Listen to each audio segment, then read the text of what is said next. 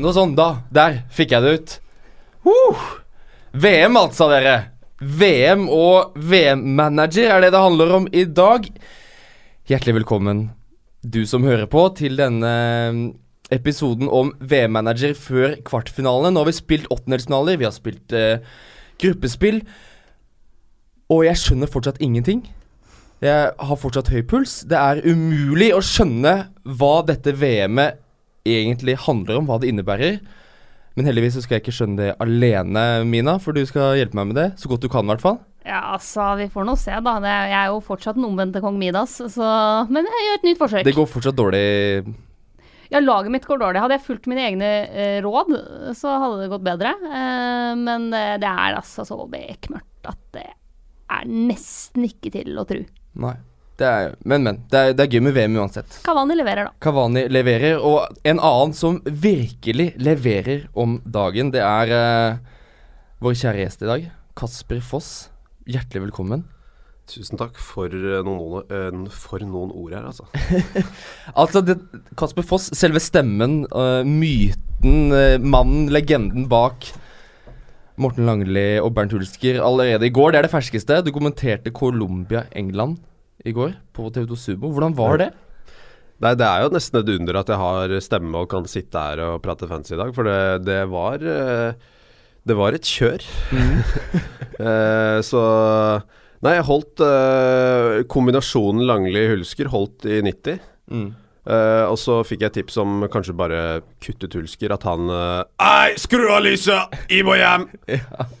Og det gjorde han da etter 90, og så kjørte jeg Langli da siste 30 pluss straffekonk. Og eh, stemmen holdt, så da Det er liksom det som er imot, og da er det bare gøy resten. Mm. Mm. Men alle disse stemmene, det er jo ikke bare Hulsker og Langli. Det er jo Kjetil Rekdal og Øyvind Alstaker og alle de store heltene vi hører på TV så å si hver dag. Ja. Du må jo ha masse stemmer i hodet hele tiden. Ja, det har jeg jo sikkert òg. Eh, nå spørs det hvilke Jeg er usikker på hvilke stemmer du sikter til, men eh, jeg tenker Kanskje nøkkelen er at jeg tenker i stemmer.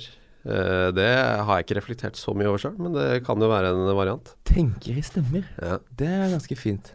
Ja, for du tenker jo, du tenker jo alltid på Hvis du tenker, så tenker du på et språk, Mm. har jeg hørt. Jeg har ikke tenkt så mye over det sjøl, men du tenker jo Hvis du har Hvis du er norsk, så tenker du på norsk. Hvis Mm. du har bodd i USA lenge, f.eks., så tenker du på engelsk. Mm. Så da tror jeg du tenker også litt i stemme, men det har jeg ikke. Jeg har ikke forska, jeg har ikke skrevet noe master om det sjøl. Nei, ikke ennå. Ikke ennå. Det kommer sikkert. Eh, Hvis du ikke fikk med deg eh, det eminente leveransen Kasper hadde i går, så Morten Langli og Bert Hulske, så anbefaler jeg å gå inn på TV2 Sportens Facebook-side. Der ligger det en Best of-pakke med Morten Langli i hermetegn, som dere ikke ser at jeg gjør nå. Så den er nydelig. Hvordan er ståa i VM-manager da, Kasper? Nei, Ståa der er jo øh, Altså, jeg mener jo jeg har gjort den, Det her er en fancy podkast, så jeg, jeg skal jo ikke rakke ned på fancy, men jeg mener jo at jeg har gjort sjakktrekket, det å bare sette opp lag. Øh, og hadde jeg fått en Altså, hadde jeg vært topp 50 etter første runden, så kunne jeg tatt det seriøst videre. Når jeg ikke har gjort Da det, så kunne du vunnet, liksom. Ja, ja, ja. Ja. Ja, det er, ikke, det, det er lov å være såpass uh, på seg sjøl. Men um, jeg tenker at på VM det er, det er så mye kamper, og hvis du, hvis du skal gjøre det bra på fantasy, så krever det så mye research at når du først kommer til kampene Så Jeg snakka med folk som tar det seriøst og sånn, og de får sånn Det er ikke noe gøy å se kampene, for du, du har gjort så mye research før kampene og sånn, så jeg tror litt sånn Jeg har kost meg med alle kampene, uh, og det tror jeg litt av det er fordi at jeg ikke har brukt noen tid på fantasy-laget mitt. uh, Kjenner du deg igjen i dette, Mina? Altså, man må jo innrømme det, men så det var faktisk VM så klarer jeg å skru av uh, fantasy-huet under selve matchen, fordi for meg så er VM så fantastisk magisk at, uh, at det, det forsvinner litt for meg. Uh, altså sånn, For meg som har bodd veldig mye i, i Spania i barndommen og har et veldig sterkt hjerte for Spania, så er det ikke det at liksom min kaptein Diego Costa ikke leverer mot Russland som er problemet, på en måte. Det er det at Iniesta er ferdig på landslaget og ryker på forsmedelig vis i en åttedelsfinale. Det er det, det? som sitter. Fortell om den opplevelsen. Det, var helt forferdelig. Eh, jeg har jo vokst opp med at Spania stort sett imploderer i mesterskap, med unntak av den perioden fra 2008 til 2012. Eh, men for meg å se Spania i VM er nesten som å se Norge i VM. Eh, jeg, jeg drar hjem til Spania, på en måte. Mm. Jeg har vært der veldig veldig mye i barndommen. Og så er jo Iniesta en av de spillerne som har inspirert meg mest, som har eh, liksom trollbundet meg mest eh, av, av de spillerne jeg har vært så heldig å få oppleve. Jeg har sett han live et par ganger, det har vært helt magisk. Så det å se han stå der Han setter straffa si sjæl, men å se han stå der idet Spania ryker ut av VM, i det som er hans aller, aller siste landskamp for Spania det, var- det var tungt, altså. Eh, det var sånn at jeg kjente at liksom, nå, nå er det ikke gøy med VM. Og så gikk det jo over, men, eh, men det var en eh, Nei, det var ikke noe moro i det hele tatt. Mm.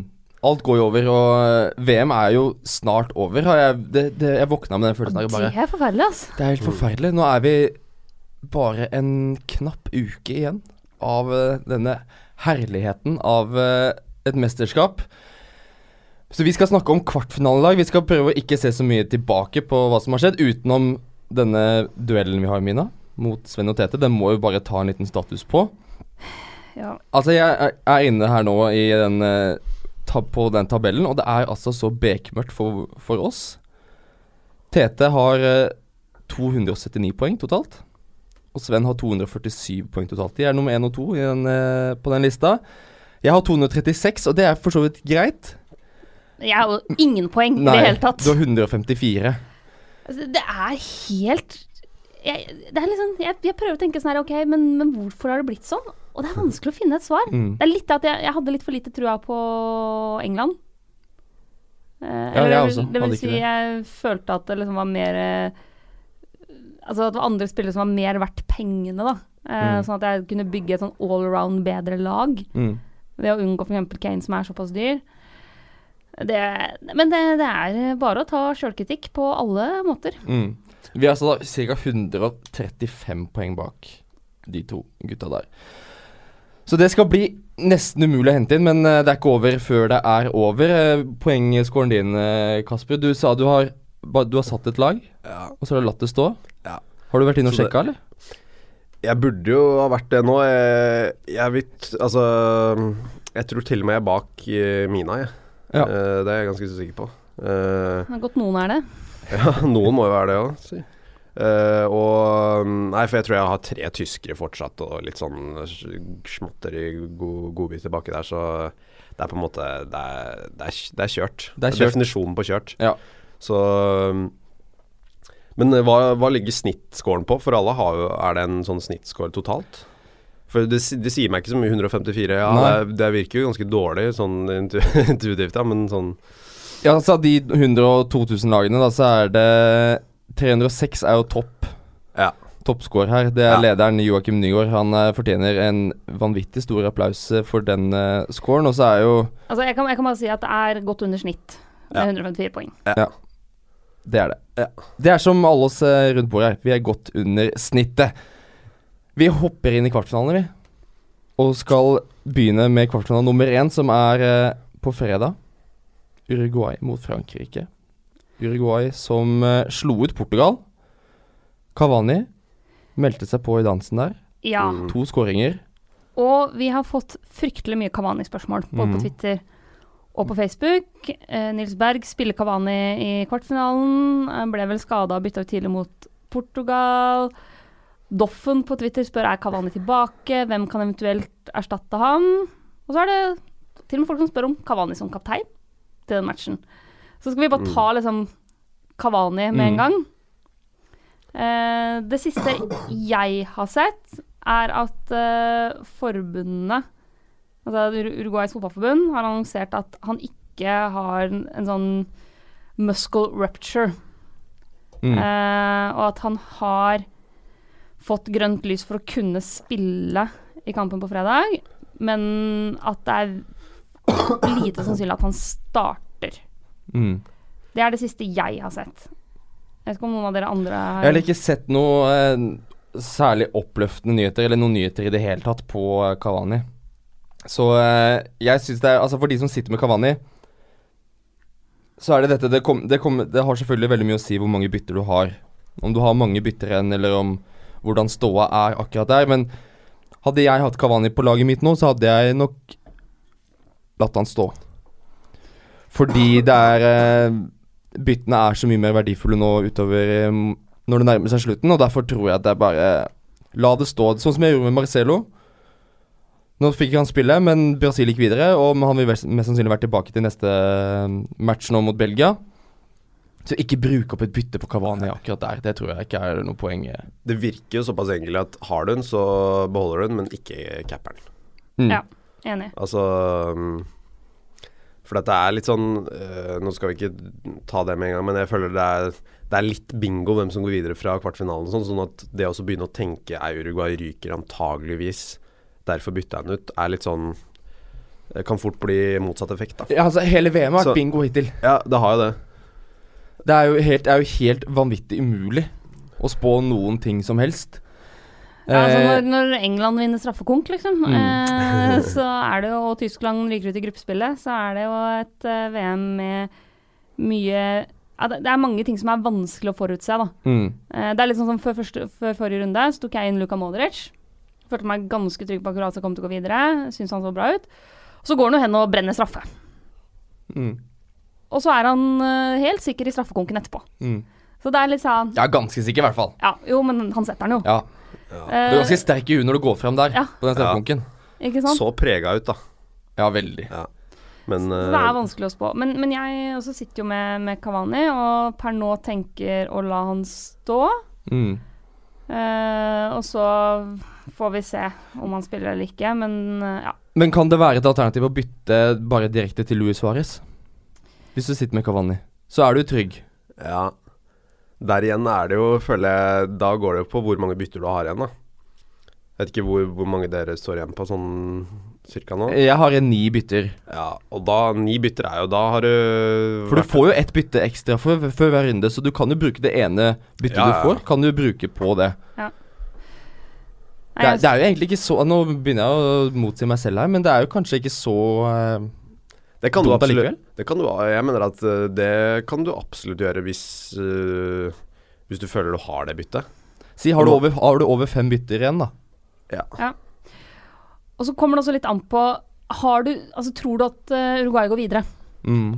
Det er egentlig litt det, det? det, det det koker ned på. Hvis, hvis du tror Uruguay går videre, Mm.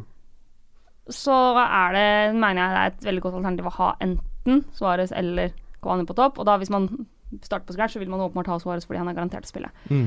Eh, fordi hvis Uruguay skal gå videre, så er det en av de to som Mm. kommer til å ha målene. Mm. Mm. Og de, jeg tror de kan skape mye trøbbel for backrekka til Frankrike. Ja, det, det er jeg helt enig i. Jeg tror eh, Sånn som Suárez har sett ut, eh, det var vanvittig mye annet tull og tøys med Suárez mot eh, Portugal der. Men det er, det er litt sånn der Jeg har følt at det, hvis Cavani er ute nå mot Frankrike, så er det Suárez som kommer til å stå fram som den ledestjerna. Mm. Og det, det må han jo. Fordi Uruguay kommer til å ligge De kommer til å ligge lavt. Ja. Og Giminez og Godin kommer til å ligge som en blokk, og da må de ha en bevegelig arbeidsomspiss som Suárez der framme, som må gjøre mye sjøl hvis han Mm. spiller aleine. Mm. Så jeg tror, jeg tror eh, Suárez eh, Du veit aldri, vet du. Det kan jo plutselig backfire. For det er litt også. sånn Hvis du skal tenke den matchen, altså er vel Grismann hakket dyrere enn Suárez, eller? Ja. Ja, så um, Grismann ligger på 10,9, og så ligger Suárez på 10,1. Ja. Det er ikke så stor forskjell, da, men uh, jeg tror jeg ville hatt uh, Suárez foran Grismann òg. Jeg Mm. er helt enig. mm. Og så ville jeg ikke begynt å tøyse med å tenke at jeg kunne få inn en, en av de billige erstatterne for Cavani, altså Christian Stuani eller Maxi Gomez. De er jo begge billige, og en av de kommer jo sannsynligvis til å starte hvis Kavani Cavani ikke er klar. Men det er vanskelig å vite hvem man starter, Mm. eh, og da gir du deg sjøl mulig trøbbel seinere. Mm. Skal vi ta et par spørsmål til om den matchen? Mm. Mm. Fordi eh, fortsatt på Uruguay, Sindre Vea spør skal man ta ut Uruguay-spillere. Nei. Der er vi vel på nei. Absolutt nei. I hvert fall hvis du står med Gimnes, Godin, Muslera. Suárez. Ja, bare Mm. la det stå. Ja. Betancourt også kan du fint la stå på midten der. Ja, Uruguay er eh, de er et godt lag. Det er et Ja. veldig, veldig godt lag. Og de kom, den kampen mot Frankrike De kommer til å ligge ganske dypt og kompakt. Det passer dem så vanvittig godt, fordi de skal ikke gi Mbappé noe bakrom. Mm. Og Griezmann kjenner eh, De gutta der. Ja. Kjenner de gutta der. Gimnes og Godin kommer til å være ekstremt godt kjent med Griezmanns eh, Mm. spillemønster der, så det tror jeg eh, Uruguay har ganske god kontroll. Jeg tror de har en god inngang til matchen. Jeg tror de er ganske komfortable og trygge på hvordan de skal ta Frankrike. Ja. Jeg, sy jeg syns uh, sånn uh, av de lagene som er igjen nå, så syns jeg Uruguay ser ut som det laget som er vanskeligst å slå, jeg. Mm. Altså, jeg kan se for meg Brasil og sånn Brasil kanskje som det sterkeste laget, da, men det blir Altså, alle de andre lagene kan slås, men Uruguay liksom Det er noe trøkk i dem som er sånn vanskelig å bare få dem ned. Mm. Mm. Eh, og de har vel vunnet alle kampene sine til fulltid nå hittil, og uh, vanskelig å score på dem og sånn. Og, og det er som du sier, uh, Ole Martin, at det ser jo ut som at uh, kampbildet bør jo være at Frankrike styrer, Mm. og det har det jo vært altså elendig på. Det er kanskje, altså Argentina snakker jo som at det har vært den største skuffelsen. Jeg syns jo det at Frankrike med så gode spillere har vært så dårlig mot etablert, det syns jeg er litt sånn Det har vært skuffende, da. Mm.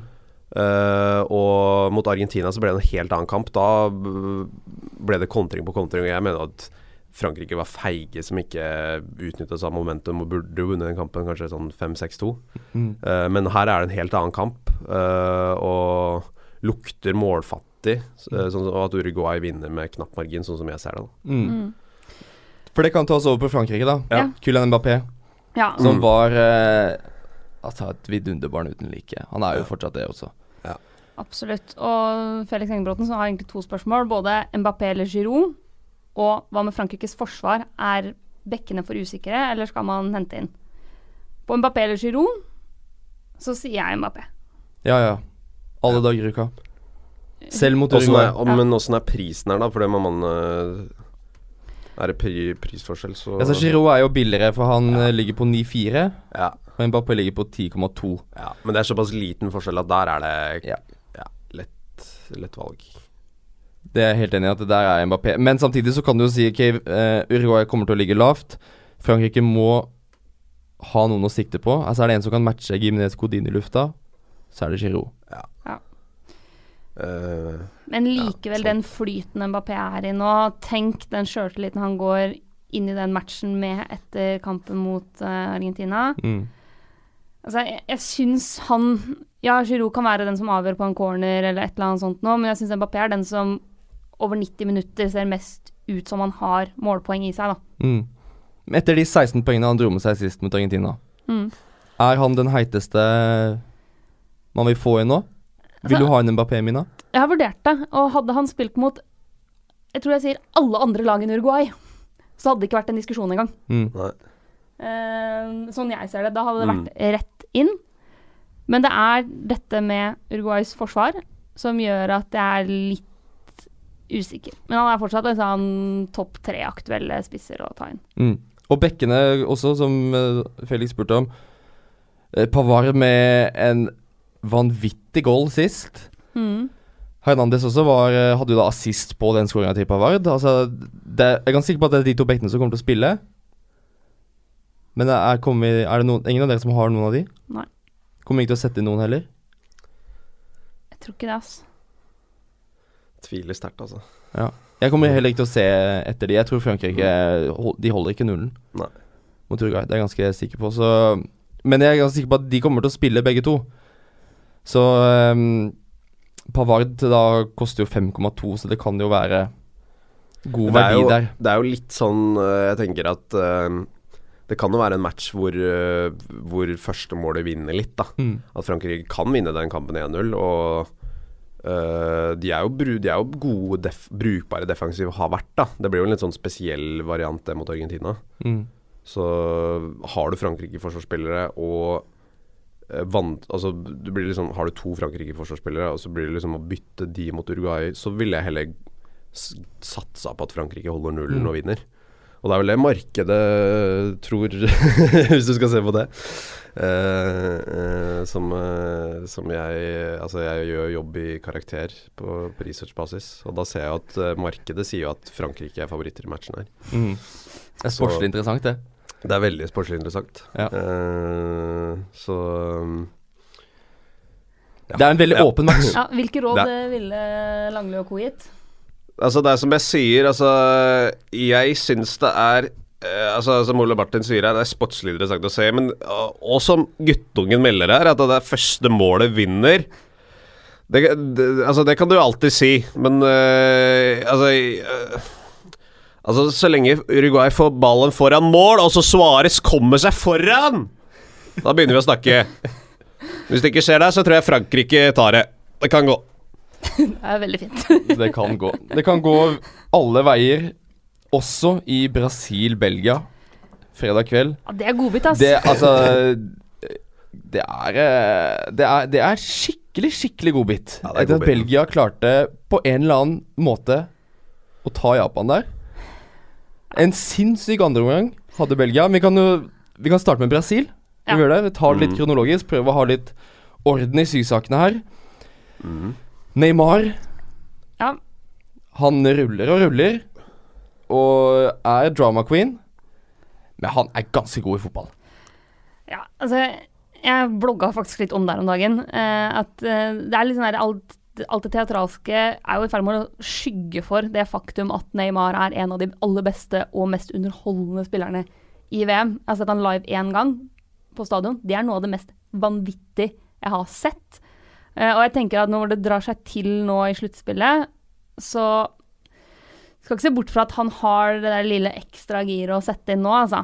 Jeg syns vi så det mot Mexico. Mm. Han var Eh, påskrudd, altså. Han ja. var virkelig påskrudd. Og så begynner det å sitte mellom han og Coutinho. Mm. Definitivt. Og uh, vi var så vidt innom det i stad. Marcelo.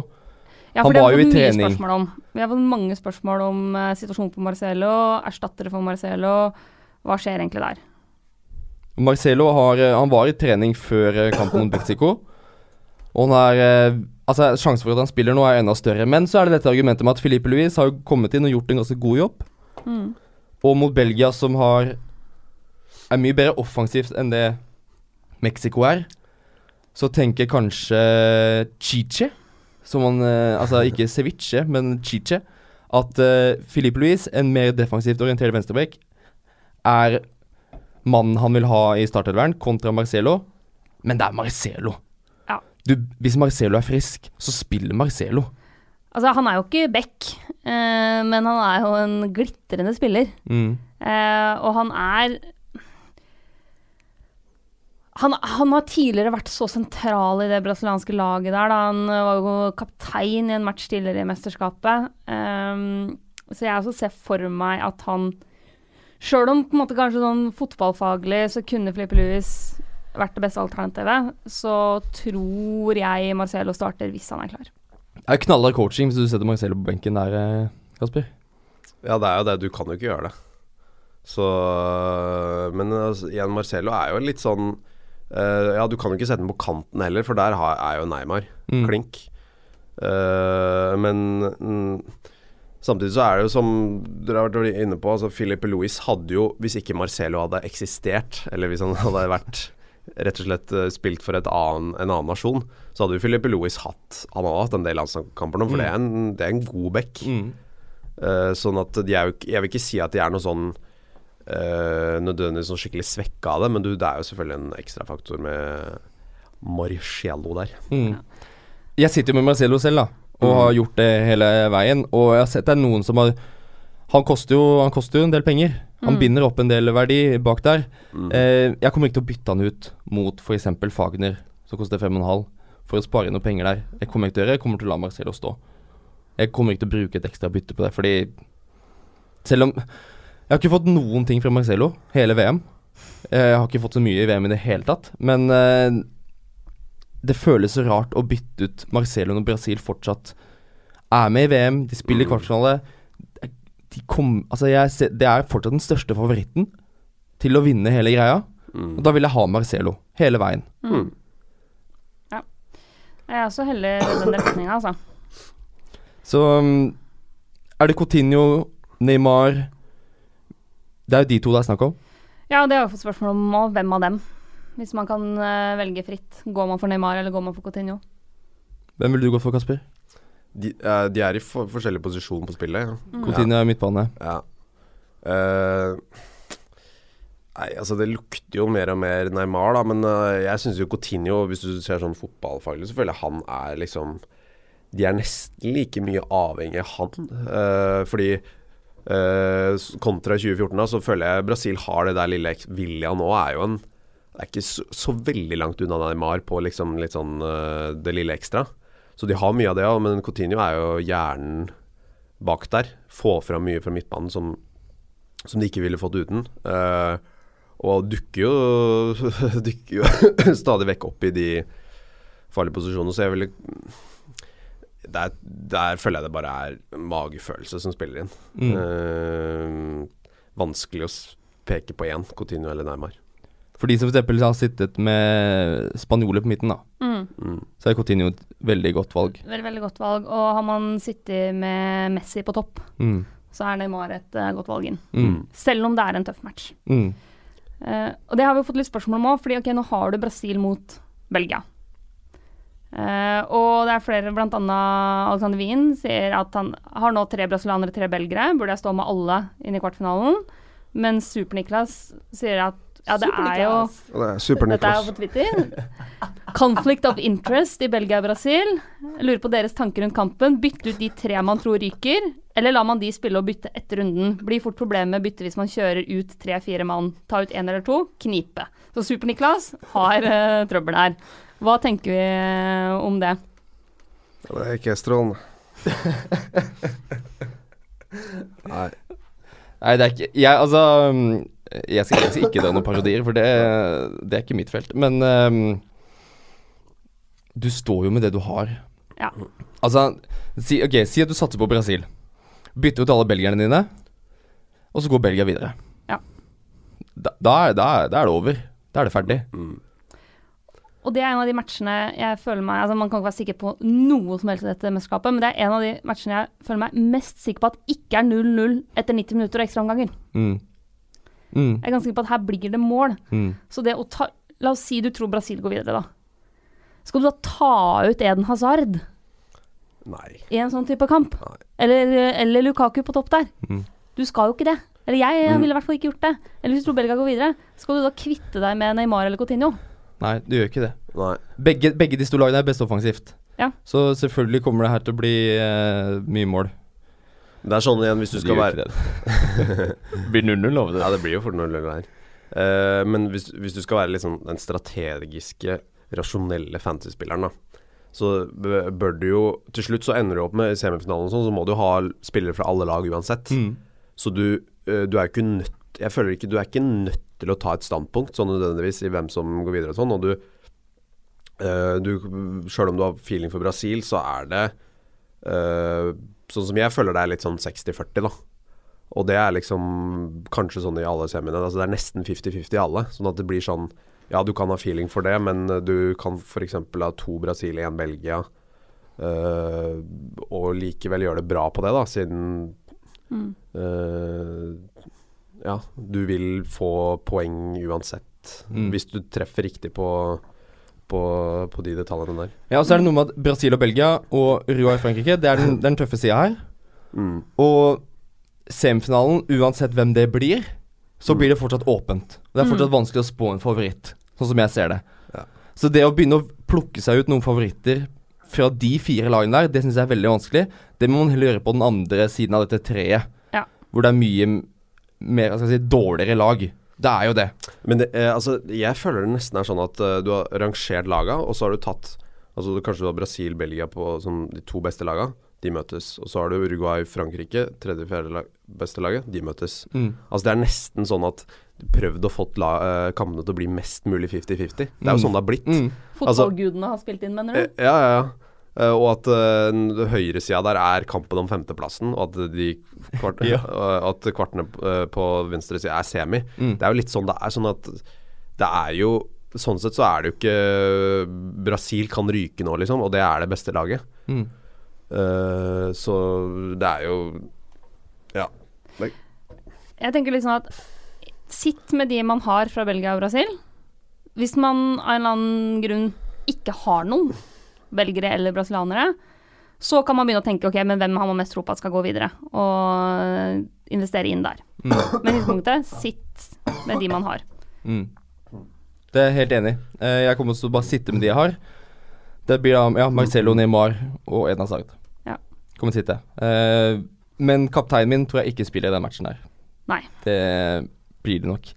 Ikke Åh, Det blir jo en vanvittig fredag. Det er jo en gullrekke som eh, NRK ikke har sjans til å matche, selv om de har den ene matchen. um, Ja, for de kjører bit for bit eh, og Nytt på nytt eh, når TV2 har kamp, de. ja, jeg tror de Ja. gjør det sånn Ja, de gjør det. nett-TV. Ja. Nett-TV. Vi hopper videre til lørdagen, da. Yes. Mm. Sverige-England. Lørdag klokka fire. Sverige, Kasper. Mm. Det er jo Det er kanskje ikke ditt nye hjemland, men Nei, du har jo begynt vel- å opparbeide deg en ganske stor det fanskare der. Ja, det er vel det motsatte av mitt nye hjemland, da. Ehm, jeg kan jo ta historien kjapt, eller eventuelt langt, hvis jeg får se. Uh, nei, tanken var at vi uh, Erik Solbakken, som eh, jeg er så heldig å få jobbe med i TV 2 nå, lager sketsjer, eller ikke sketsjer, men prøver å lage innslag og sånn til alle elsker VM og sosiale medier og sånn. Og så kom vi på ideen om uh, Langli, Alsaker, Rekdal lager en VM-sang, som liksom blir en sånn slager, da. var liksom tanken. Eh, og så fikk jeg noen, eh, en kompis eh, til å Han foreslo at vi bruker eh, 'Når vi graver guld i USA', altså den eh, svenske låta som slo an på i 94, var det vel. Eh, så vi tok utgangspunkt i den melodien, fikk noen til å spille inn den på nytt. Så det ble liksom var, altså var det nesten en hel dag i studio hvor jeg Da de rykker ut mot Mexico Og så takk, takk. Uh, da kan du ha litt mer trykk på Mexico. Altså det var sånn Ja. vi, var, vi tok det sånn seriøst, spilte inn proffe musikkfolk, og det uh, og så ble det en av planen at vi skulle kjøre på Spotify, og vi har jo sendt inn og alt sånn. Eh, og så Planen var musikkvideo, og så bare viste vi det til et par folk. Uh, eller fem-seks stykk, og det var sånn veldig delt. da Noen var sånn uh, Ja, det, det her er dritbra, få det ut. Andre var sånn Den derre Hadde jeg hatt puter nå, så hadde jeg stappa den langt inn i trynet, liksom. Ja. Så vi Så vi tok rett og slett ikke sjansen på å spille inn musikkvideo i, i frykt for at det skulle bli kleint. Så vi bare, jeg foreslo at hva om jeg bare legger ut ett minutt på Insta, hvor det er lettere å ha litt sånn ironisk distanse til det og sånn, og late som det er Rekdal som liksom styrer sjappa her. Uh, og så la jeg den ut, og så var det god feedback fra det norske folk, da, for det er jo det mest, mesteparten av mine følgere på Insta er norske. Og så plutselig så kommer det i innboksen fra Fotbollskanalen. «Hei, Kasper, kan vi få lov å publisere den videoen på eh, vår, eran, våran eh, Instagram? Och så sier jeg ja, så bruk, så, ja du måtte sende den eh, på WeTransfer på, til meg. Og så gjør jeg det og så får han den opp. Uh, ut der. Uh, og ha, blir jo presentert som om det er jeg som synger. Casper Kasper Foss, norske TV-profilen Kasper Foss håner det svenske landslaget. Tommel opp eller tommel ned? og da går det ti minutter, og da har jeg kanskje Ja, da tror jeg er oppe i 15 hatmeldinger på de første ti minuttene. Så da eksploderte det, og da skjønte vi at det her må jo bare melkes. Mm.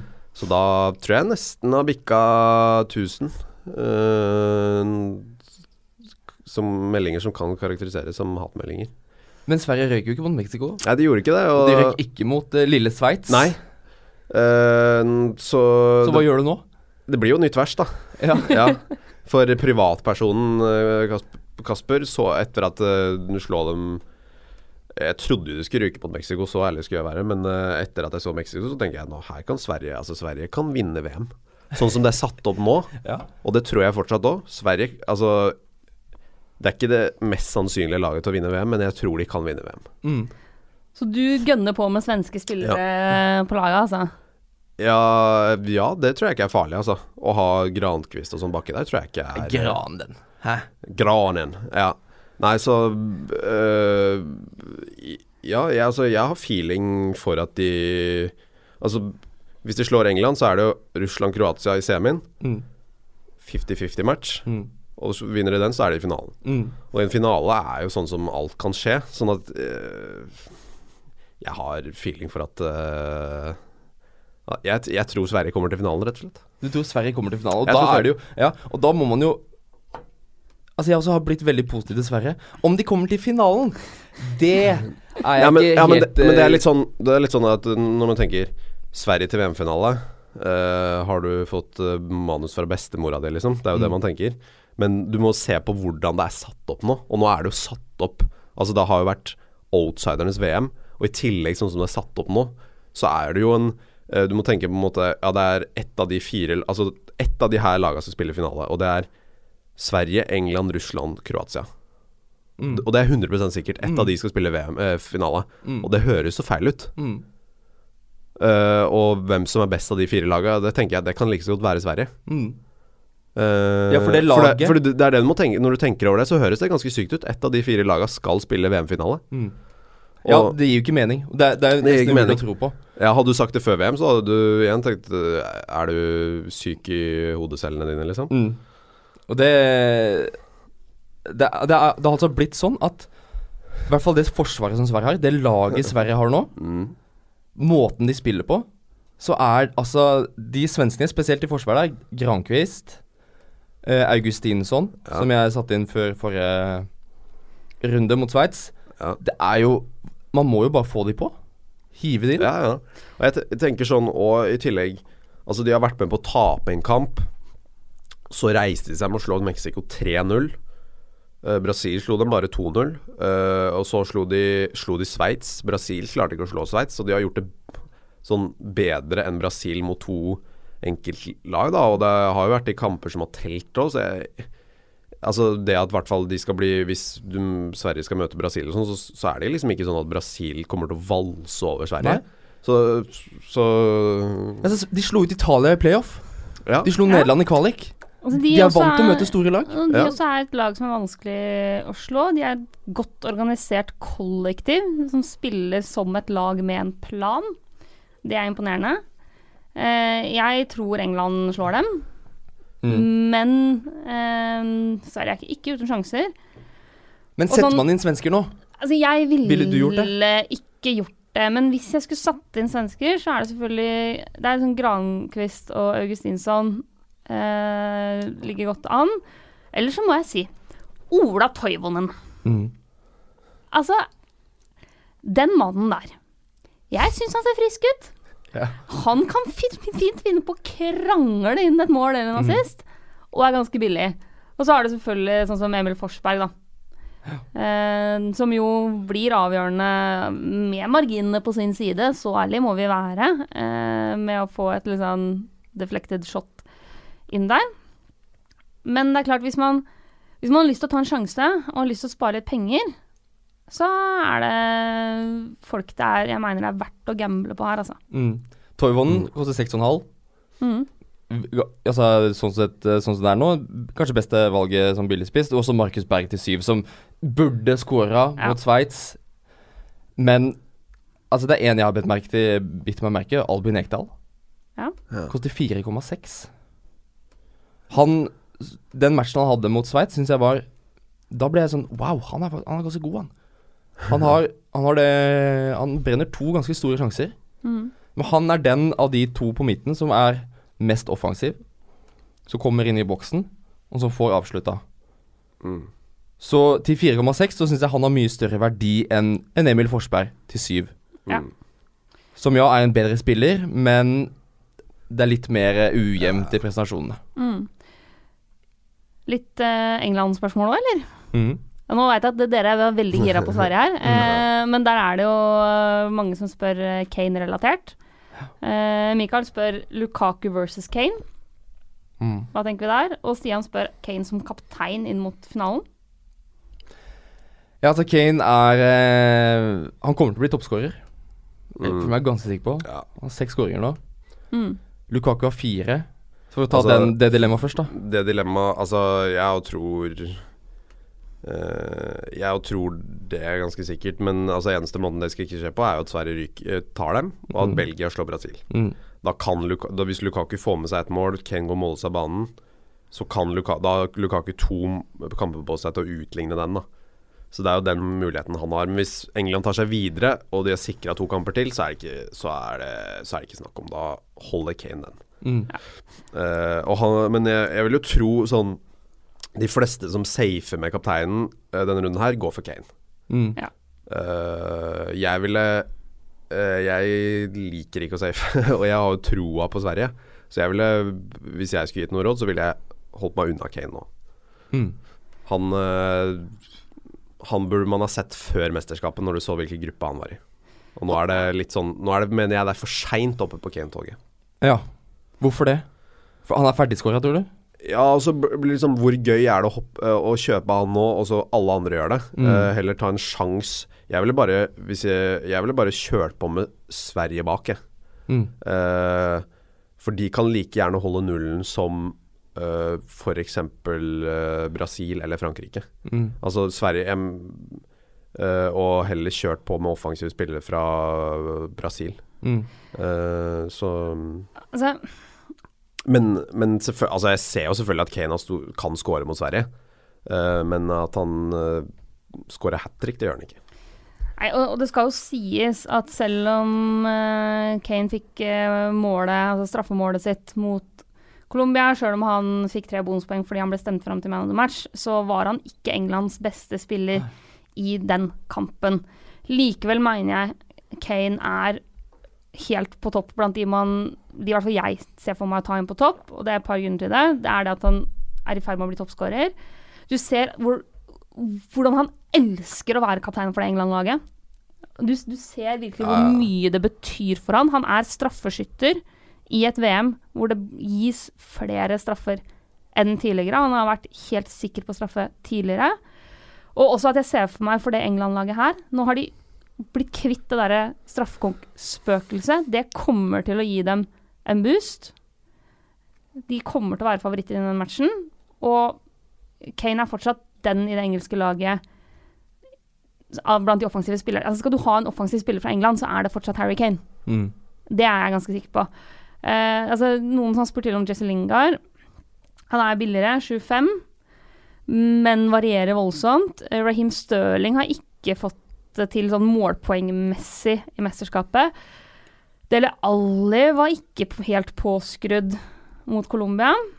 Um, så de to spillerne jeg mener er mest aktuelle i det engelske laget, det er Kane og Trippier. Mm. Helt enig. Er Trippier helt- slår så mye innlegg, slår Ja, ja. frispark. ja, ja. Var en av Englands aller, aller beste spillere i går. Mm. Ja. Nei, altså, altså Kane er jo den du skal ha på England. Mm. Uh, men det er litt det der at hvis jeg tenker at hvis du ikke har hatt den og har lyst til å ta størst mulig sjanse for å ta et uh, byks i, i fantasy her, så tror jeg du da er det ikke noe For det første så er det ikke gøy, syns jeg. jeg er veldig sånn som liker å ikke følge strømmen. Ja. Uh, Sjøl om jeg, jeg, els, jeg har jo mye mer sanse for Kane enn Lukaku, så går jeg heller for Lukaku bare fordi det er mot strømmen. Mm. Uh, og fordi jeg også har trua på at uh, Sverige holder null Altså sånn England var jo det soleklart beste laget i går, men eh, det føler jeg skulle bare mangle i og med at Colombia var jo eh, altså ræva. Mm. Altså var jo, det var jo så lite plan når de først kom inn i 16-meteren. Så hadde jo egentlig England, England full kontroll. Mm. Uh, sånn at uh, jeg tror Sverige er et ganske mye bedre lag enn Colombia, faktisk. Mm. Bare for å nevne Trippier, altså i den matchen Jeg har, har mest håp, kanskje ikke så mye tro, men mest håp for Sverige. Men sånn som den, det kamputfallet kommer til å bli, så ser jeg for meg at Sverige kommer til å ligge kompakt og lavt igjen. England kommer til å styre. Mm. Hvor mye sjanser Sverige får offensivt. Jeg tror du kan ligne litt på den Tyskland-matchen eh, Sverige hadde. Ja, At Sverige får en scoring der. Oh, det tror jeg sitter langt inne, så en Trippier er eh, Trippier er fin langt oppe på lista mi for å sette inn i backrekka der. Vi går videre, vi. Til Mm. Russland-Kroatia. Ja. Kvartfinale nummer fire. Lørdag kveld. Russland, altså. Altså, de kan, være, de kan være så dopa de bare vil, men eh, det de leverer på hjemmebane, det er fantastisk gøy.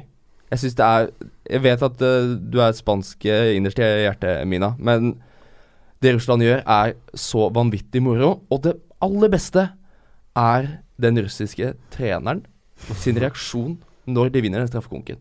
Han er så lugn. Han tar det helt, helt med ro. Mm. Følte det var litt sånn der eh, Vincent del Bosque litt over den. Mm. Ja. Jeg elsker det, altså. Og jeg syns det er så gøy å se hvordan et lag som ikke er gode nok for en kvartfinale i VM, plutselig har kommet seg dit. Mm. Og Golovin er eh, Han har kanskje dabba litt av. Han har kanskje slukna litt de siste kampene. Men gud a meg, altså. Den mannen der eh, er fortsatt, fortsatt like stort mancrush på, eh, på Alexander. Det er ikke noe eh, Det er ikke noe tvil i mitt hjerte om at Golovin eh, står trygt på eh, laget mitt. Ja, det er ikke noe poeng å ta ut hvis man har russere nå. Nei. Det er ikke noe poeng i det hele tatt. Altså, vi tror vel at Kroatia slår dem.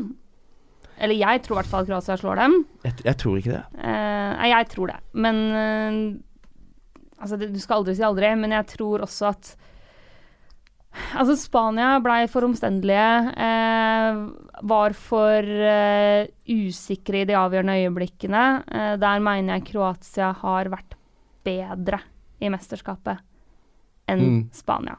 Men skal man ha russere, eh, så er selvfølgelig Golovin et alternativ. Eller så er jo Juba på topp et alternativ. Han er den som kommer til å starte. eh, og tar straffer. Mm. Så han er også eh, Hvis man ønsker å satse på Russland, så er han eh, et alternativ. Jeg vil ikke satsa defensivt. Men jeg tenker at de to kortfinalene Sverige-England, Russland-Kroatia Det er en av de Altså, Kroatia eller England, det er en av de som ryker ut. Jeg tror ja. en av de favorittene Jeg tror kommer til jeg å skli. begge også, ja. Ja, det kan fort bli begge. Men Mm. jeg tror Russland har, har litt større sjanse for å ta Kroatia enn Sverige har for å ta England. Så at Russland Altså, det er helt sykt å si dem at de faktisk når en semifinale. Det tror jeg er mulig. Så jeg kommer ikke til å sette inn kroater. Jeg kommer ikke til å sette inn Modric, kommer ikke til å sette inn Manzukic. Kommer ikke til å sette, inn Perisic. Jeg kommer til å bare, sånn som du var innom, eh, Kasper, Mm. bare satse alt på at Russland har krefter igjen. At de ikke har krampe etter kvarter, som de burde hatt. sånn som de har løpt. Så der er det bare å stå imot og satse alt på at uh, Kroatia ryker. Jeg kommer sannsynligvis til å ta inn en kroat. Hvem da? Litt uh, prisavhengig, basert på hvordan jeg skal stable sammen resten, men enten uh, sånn Du har på en måte Manzukic Pesic, som er i den 7,6-7,9-klassen, og så har du Ante Rebic i, som koster 5,5. Ble jo tatt av tidligere sist, men, men en spiss for Kroatia til 5,5 million Ja, syns jeg er eh, et godt bet i den matchen der. Så det blir nok enten han eller eh, Mario Manzukic, Mario Manzukic hvis jeg har råd. Ja. Sånn, men sånn bortsett fra ren Fifa-ranking og sånn, øh, så skjønner jeg ikke hvorfor øh, Kroatia er favoritter, eller? Sånn ut ifra Altså, de har vært gode, men jeg synes så Hvis du ser bort ifra den Uruguay-kampen, da, og da fikk de vel en tidlig mann utvist, Russland, Ja. så er det liksom 5-0 overkjøring. 3-1 var også overkjøring til tider. Uh, og så nå Spania, som Spania burde jo tatt det, men samtidig så uh, hadde de brukbar kontroll. Mm. Og Spania var jo et av lagene som uh, Ja, er jo en, var jo en av de store favorittene, da, og har jo ikke skuffa noen sånn skikkelig, de heller. Så de klarte liksom å ta den, og da Det er liksom det derre hjemmebanekjøret. Altså, jeg, jeg har feeling for Russland. Mm. Jeg kan si at Hovedgrunnen til at jeg har troa på Kroatia, er Mm. at uh, de har uh, en av de stjernene som har vært aller aller best i VM, Luka Modric. Mm. Og ja, jeg vet han bomma på straffe sist, men likevel. Uh, han spiller nå så fantastisk fotball. Ja. Det har han jo gjort i mange år. Men og det samarbeidet mellom han og Ivan Rakitic på den midtbanen der til Kroatia, syns jeg ser fryktelig bra ut. Og så har de sånn slitespissen Manzukers på topp, som kan hamle opp med russiske stopperkjemper. Så ja, Modric er hovedgrunnen til at jeg tror, Kroatia slår Russland. Mm. Og jeg lar Modric stå i mitt lag. Mm. Det blir jo Altså igjen, da. Det er denne åpne, sånne åpne kamper. Det er altså så gøy. Mm. Det, det, er, det er forferdelig å spille fantasy med sånn, et sånt grunnlag og prøve å plukke ut, Mhm. men det er fantastisk gøy også. Skal vi ta noen litt sånn generelle spørsmål? Ja. Eh, tanker om keeperplassen? Hvilke keepere satser man eh, på nå? Jeg har stått med Muslera hele veien, jeg, kom, Mm, jeg ser ja. fortsatt ingen andre bedre alternativer enn han, fordi pris fortsatt billigere enn uh, Alison og Courtois. Uh, det forsvaret Uruguay har, Ja. Det er eh, beste. For å si I VM. sånn, den eneste keeperen som er billigere enn han, og som, fakt, som fortsatt er med i VM, er Robin Olsson på Sverige. Mm. Og jeg Jeg vil tenker- ikke, jeg Så hardt vil jeg ikke gå ut på Sverige at man tar inn Sveriges keeper før en kamp mot England. Jeg vil ikke gjøre det. Ja, altså det, det spørs hvilke, hvilke byks du har lyst til å gjøre, da. Uh, og um, Altså sånn Sjansen for at Sverige vinner 1-0 mot England, da, den føler jeg den er Den er så, den er så til stede, altså. Den lever. uh, men jeg vil ha Jeg har Musleri foran. Uh, uh, men så må man Jeg føler man må utnytte seg av det som vi har vært inne på før, av hvor skillet det er mellom sidene her. Sånn at det å ha en Sverige-keeper, eller heller England-keeper, da. Ja, Jordan Mm. Pickford. Eh, Pickford, ja. Mm. Heller hvis du har feeling der, heller gå for han, for da kan du kanskje slå Sverige 1-0 da. Og så får du kanskje Kroatia eller Russland i semien. Og da har du en ny mulighet til å holde nullen, siden du ikke møter så godt lag. Uh, og Så tenk litt sånn. Jeg ville heller eh, ikke prøvd meg på noen Brasil- eller Belgia-keeper. eh, eh, rett og slett fordi at de møter, så, de møter hverandre gode offensive lag. Uh, og der ville jeg prioritert foran. Så um, jeg ville hatt Hvis jeg skal ha en keeper fra venstresida, så ville jeg hatt uh, Musleri.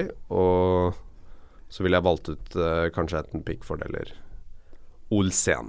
Mm. Robin. Robin. Goda Ro- Robban. Robban Åren. Så har vi også Anders Myklebust som spør beste midtbane til under 7,5. Ja. Eh, jeg kan eh, Det er ikke sikkert du har alle prisene i huet, Kasper. Nei, så jeg kan kaste opp noen alternativer. nei. Kan kaste opp noen alternativer Ja, rundt den prisen. Gjerne. Eh, godt under så har du sånn som Rodrigi, Rodrigo Bentancour i Uruguay. Han koster 5,2. Uh, Jesse Lingard er akkurat 7,5. Uh, du har Osman Dembélé, som er eh, 7,3. Emil Forsberg 7 blank. Aksel Witzel 7,5. Du har fortsatt ikke nevnt Golovin. Ja, han er ganske Hvorfor har du mye ikke det? billig. Golovin 5,8. Ja. Ja, åpenbart. Hvis man skal gå liksom ordentlig billig. Golovin! Ai, ai, ai. Hvem tenker Altså har du sånn som hvis man klarer akkurat 0-1 opp, så er det jo Paulinho til 7,6. Mm. Så blir tatt av til 58,5 Ja. minutter. Eh, er det noen av de som blinker seg ut som eh, gode alternativer? Altså, jeg, for meg er det bare ett navn, og det er Golovin. Altså. Ja. Det er, ja, jeg jeg føler ikke at det er, det er vanskelig å ta noe Det var ikke noe sånn åpenbart hva det er. Det er Modric på 7-7, da. ja. Ja. Hvis man klarer å Ja, er seg. kanskje- får vi en million for hver runde nå, så man Ja. kan jo Ja. bruke de pengene der. Det er kanskje derfor han har lagt limiten på 7,5, sånn at du ikke kan ha Modric. Ja, Kanskje. Um, smart. Ja. Smart tenkt. Eh, Albin Ekdal, som du nevnte, da. Han er Ja. veldig Ja, 4,6. Der er det mer sånn Skal du ha han under 4,7? Da ville jeg Mm. gått for Albin Ekdal. uh, men uh, Nei, det Altså Jeg følte alle alternativene dine Altså Det var ikke noen jeg ville ha sagt absolutt uh, bid og dunk, for å si det på den måten. Nei. Skal vi gå videre til spaltene våre? Ja, det bør vi vel. Kjør, da. Rundens trojka og perestrojka er første spalte. Rundens trojka er den spilleren du må ha. The must have. Og perestrojka the must have not. Den man ikke skal ha. Mina, hvem må man ha i kvartfinalen? Hvem er det man må bruke et bytte på? Jeg syns dette er kjempevanskelig. Eh, jeg tror jeg holder meg til den såkalt enkle sida av treet, fordi jeg syns de kampene på andre sida er så fryktelig vanskelig å calle. Eh, og da sier jeg Luka Modric Mm. Ja. står på mitt. I sted, altså jeg, opprinnelig ville jeg tenkt eh, Kane, men han skal jeg prate om seinere. Mm. Mm. Ja, det åpenbare er jo Kane her. Eh, så hvis du vil ha størst mulig sjanse til å ha mm, flest mulig poeng, så går du for Kane. Eh, men eh, Ja, altså det er, det er Sånn som det er nå, så er det jo ingen åpenbare, egentlig. Så jeg, vil, jeg vet ikke Godin, hvor, hvor fa, Nå vet jeg ikke hvor farlig han er offensivt, men jeg har ganske god tro på at han Ganske skummel, altså. Ja. Han er jo det. Ja. Eh, så mm, hvis det blir for Det er kanskje for kontroversielt å si Grankvist, men jeg tenker i og med at han tar straffer uh, Og de altså, de slipper ikke til uh, så mye. Altså, de har jo de, de har kun sluppet inn mot Tyskland, og da var, da var Tyskland gode. Altså, da viste de gamle takter. Og så vidt de klarte å skåre to mål på dem. Ellers så har jo Sverige holdt Mm. nullen. Eh, og, og jeg mener fortsatt Tyskland er et bedre lag enn England, selv om England er gode. Så er det jo bare fordi de ja, daffa utpå der mot, uh, mot Sør-Korea at, at de røyk ut. Mm. Uh, så jeg sier, Grankvist? Jeg sier Grankvist, jeg. Jeg liker det. Det er ikke kontroversielt i det hele tatt. Nei. Jeg skal ta et stort steg ut på kanten og prøve å uh, Det kan enten gå rett vest eller rett øst, som er jo der man vil være. Og da jeg sier Diego Godin, som du var inne på, Kasper. Mm. Det er fordi Uruguay er så solide. Og jeg tror at den kampen mot Frankrike kommer til å passe de veldig godt. Mm. Så Godin er eh, Ja, det han har jeg troa på. Der blir det null, og der kan det fort bli en dødballskåring. Mens Perestrojka følger opp med Antoine Griezmann. Ja. Lagkameratene er på hver sin side i denne spalten. Griezmann kommer ikke til å få til noen ting mot Godin eller Gimenez. Sorry, Frankrike. Sorry, Simen Stamsmøller, som er fransk eh, innerst inne. Det Jeg har eh, hatt Griezmann som perestrojka før, og det har gått sånn ålreit. Men eh, jeg har trua på Uruguay. Ja, det Mina, var det. din perestrojka. Ja, nå eh, Dette er en litt sånn eh, long shot, men jeg sier faktisk Coutinho, som jeg har sjøl, oh. og som er god. Brasil kommer til å skåre. Ja. Eh, Har vi blitt enige om? know, men det jeg ser for meg i den Altså, jeg, jeg har Coutinho. Jeg kommer til å la Coutinho stå, bare så det er sagt. Men jeg, men jeg vil ikke hente han inn nå. Fordi jeg tror at uh, det er eh, litt større sjanse Altså, det, det er større sjanse for Neymar-show i den matchen. Uh, og så ser jeg for meg at uh, Coutinho er en av de som på en måte kan bli ofra hvis Brasil tar ledelsen tidlig. Mm. Og man skal sikre inn. Tidligere har det jo vært Paulinho, men eh, Paulinho er mer muskler enn Coutinho, Mm. tross alt, i den midtbanen der. Så åh, jeg kjenner i det jeg sier dette, at Ja, det, det er eh, det ble dårlig stemning jeg i studio her nå. Og jeg kjenner at jeg sliter med å tro det litt sjøl. Jeg, tenkte- jeg våkna opp i dag tidlig Hva er det du sier, Mina? tenkte det. Jeg våkna i dag tidlig og tenkte at det blir ikke mål på Coutinho den matchen her, men jeg merker jo mer jeg prater om det, jo mer usikker blir jeg. Stå i det. Stå i det, Mina. Stå i det. Men uh, perestrojka, uh, håper jeg Kjetil Rekdal, hvem er det som er uh, ferdigspilt? Hvem er det man ikke skal ha til kvartfinalen? Uh, Kane er sjanseløs.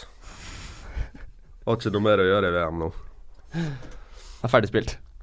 Ja, altså mm, Der igjen, da. Altså, hele veien så er det Vil du gamble, ikke gamble? Jeg, jeg sier Kane, jeg, for å For jeg mener at han Han blir overvurdert uh, når du tenker på Du må tenke framover, ikke hva som har skjedd. Mm. Og da sier jeg Kane. Mm.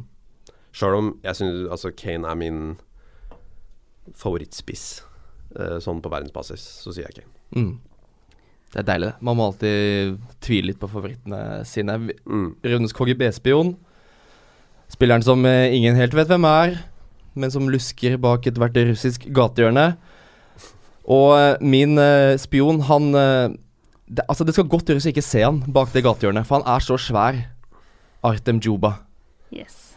Men han er russer, og han vet akkurat hvordan han skal klare å være usynlig mot Kroatia, for så å dukke opp og bli matchvinner. Den gigantiske russiske bjørnen. Han skal, eh, han skal inn på laget mitt. Det er ikke Ja, ja, jeg har bestemt meg. Det er Juba. Kasper?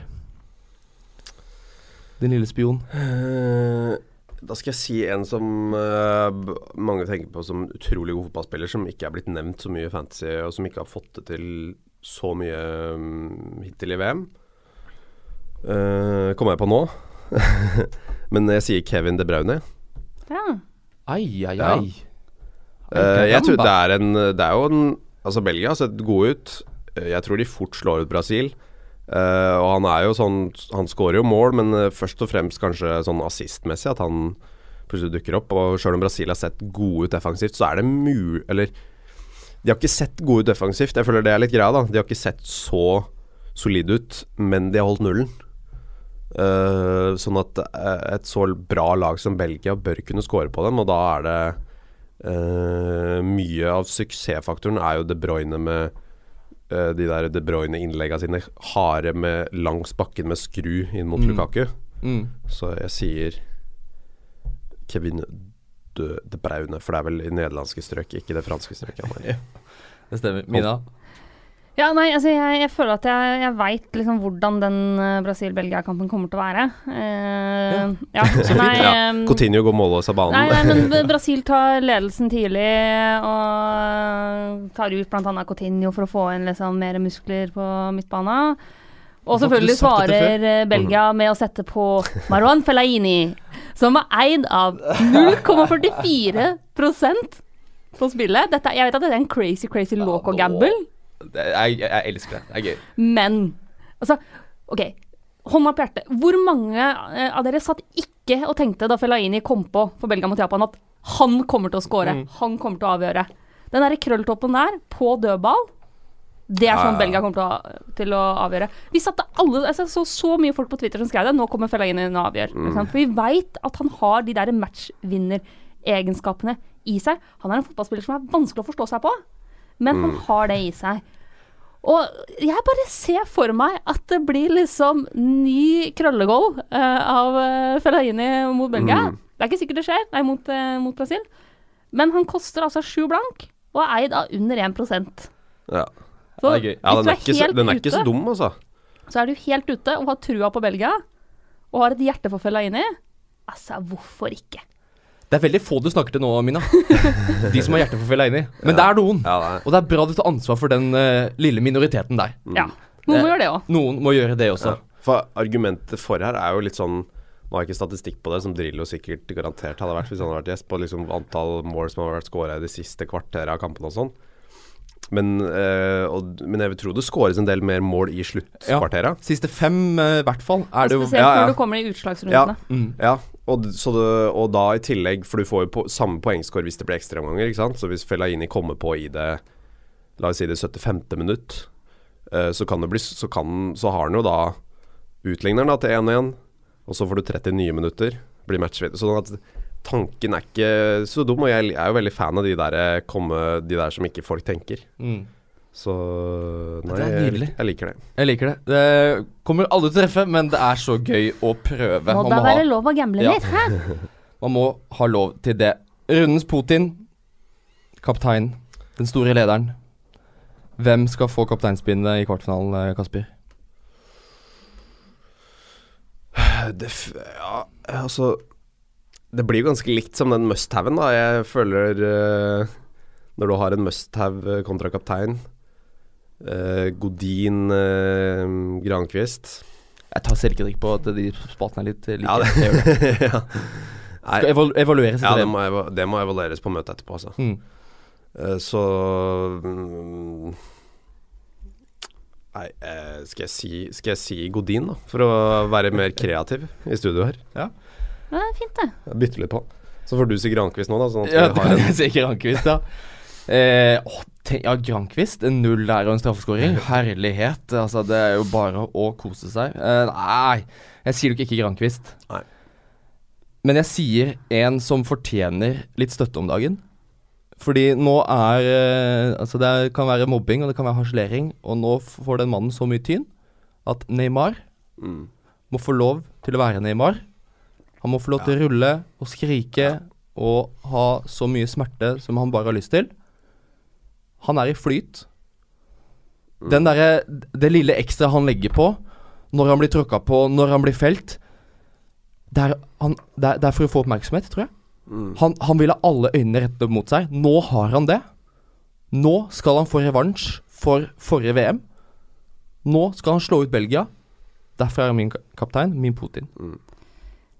Det er ikke dumt, det. Jeg går for kaptein Kane.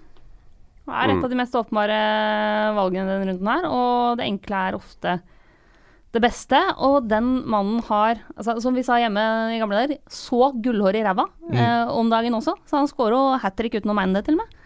Eh, så jeg tror at eh, han kommer til å være ekstremt tent inn mot den seriematchen.